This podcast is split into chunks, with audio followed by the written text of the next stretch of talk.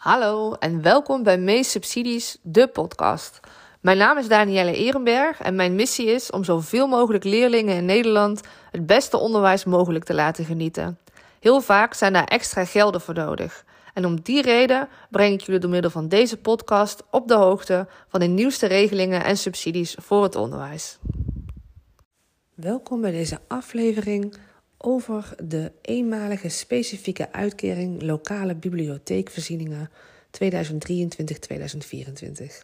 De titel is een beetje bijzonder, want het staat eenmalig, maar er zijn twee rondes. Dus uh, nou, het is één keer één jaar, denk ik dan, dat we het zomaar moeten lezen.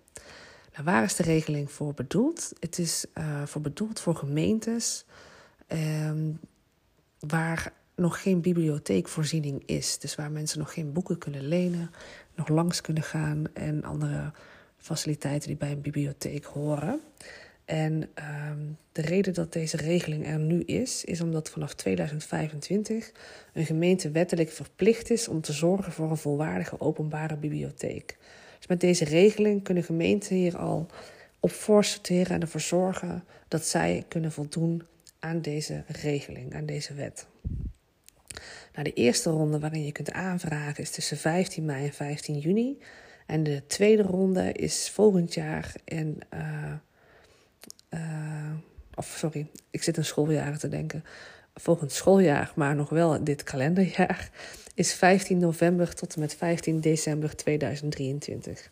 Dus er zijn twee rondes. En als je de eerste ronde aanvraagt, dan ga je in 2023 um, je project uitvoeren en het opzetten.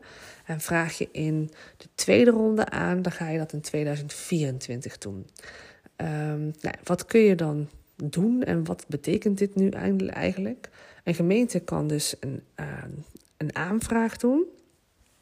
En dat kan dan voor een viertal dingen. Of je gaat een nieuwe bibliotheekvestiging oprichten. Of je gaat uh, uh, doorontwikkelen. Of je gaat de bemande openingstijden verruimen met minimaal 10 uur per week. Dus dan is de biep 10 uur langer open. En uh, wat je ook kan doen is het verruimen van de uren van de bibliobus.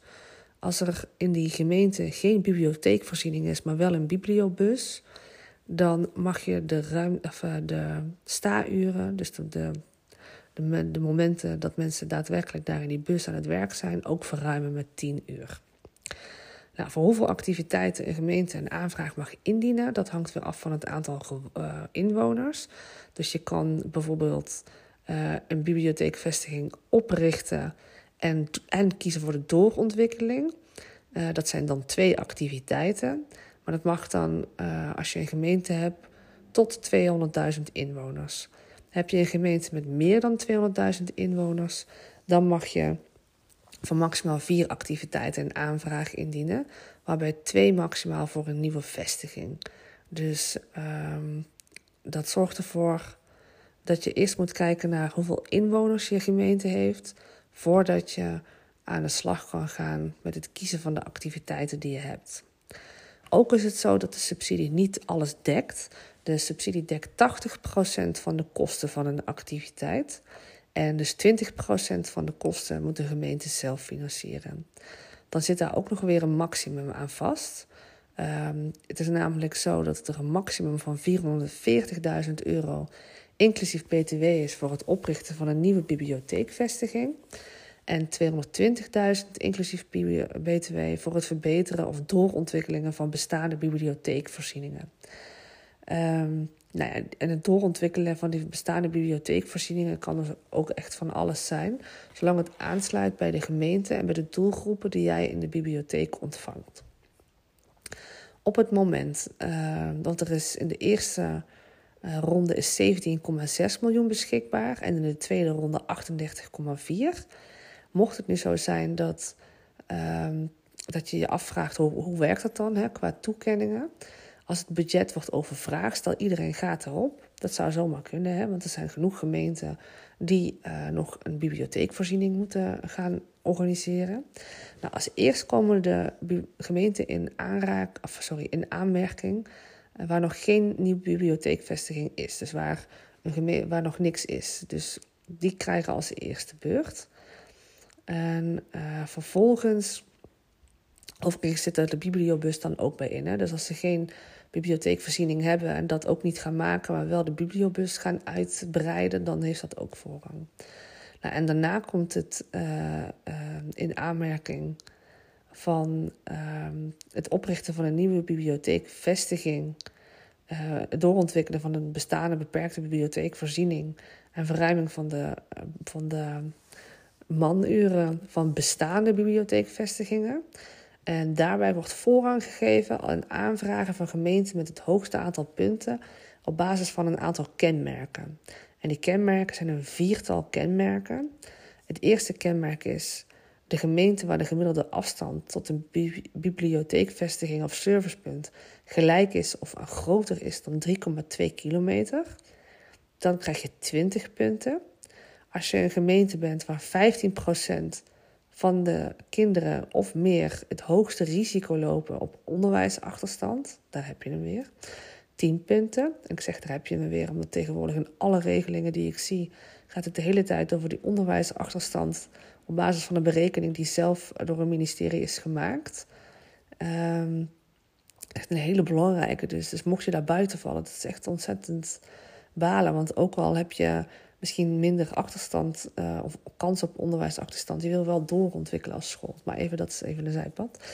De derde is uh, gemeente met een score van nul of lager voor wat betreft sociaal-economische status, welvaart, opleiding en arbeid. Dat is de 6 WOA-score. Dan krijg je 10 punten. En gemeente met een aandeel van lage letterden van 12% of hoger krijg je ook 10 punten. Dus in totaal kun je 50 punten scoren. Uh, dus als jouw gemeente het hoogste aantal punten heeft, dan, uh, dan wordt hier rekening mee gehouden. Uh, wat moet je insturen? Je gaat een activiteitenplan maken en een begroting. En daarin geef je heel goed aan wat je eigen inkomsten zijn. Inkomsten die je van het ministerie van OCW graag zou willen. En al die eigenlijk logische elementen die bij zo'n aanvraag horen. Um, ja, je hebt tot en met 15 juni nog 10 dagen voor deze ronde. Ik uh, kan je erbij helpen. Dus als je vragen hebt of iets, dan, dan hoor ik je graag. En anders dan uh, wens ik je gewoon echt onwijs veel succes. En ik hoop dat het lukt, want ja, wie houdt er nou niet van de bibliotheek, toch? Ik vind het echt een fantastische plek om te zijn. Maar goed, uh, voordat het een of andere persoonlijk uh, verhaal gaat worden, zou ik zeggen: uh, kijk even of de regeling iets voor je is. En ehm, ja, en ik hoor je graag als je, als je vragen hebt. Bedankt voor het luisteren naar deze aflevering van Meest Subsidies, de podcast. Als je nu zelf een regeling hebt die je graag uitgelegd wil hebben, stuur me dan even een berichtje, dan maak ik daar ook een aflevering van. Voor nu een hele fijne dag gewenst en ik zie je graag een volgende keer. Je kan je abonneren op deze podcast, zodat jij ook op de hoogte blijft van alle relevante regelingen en subsidies voor jou en je organisatie.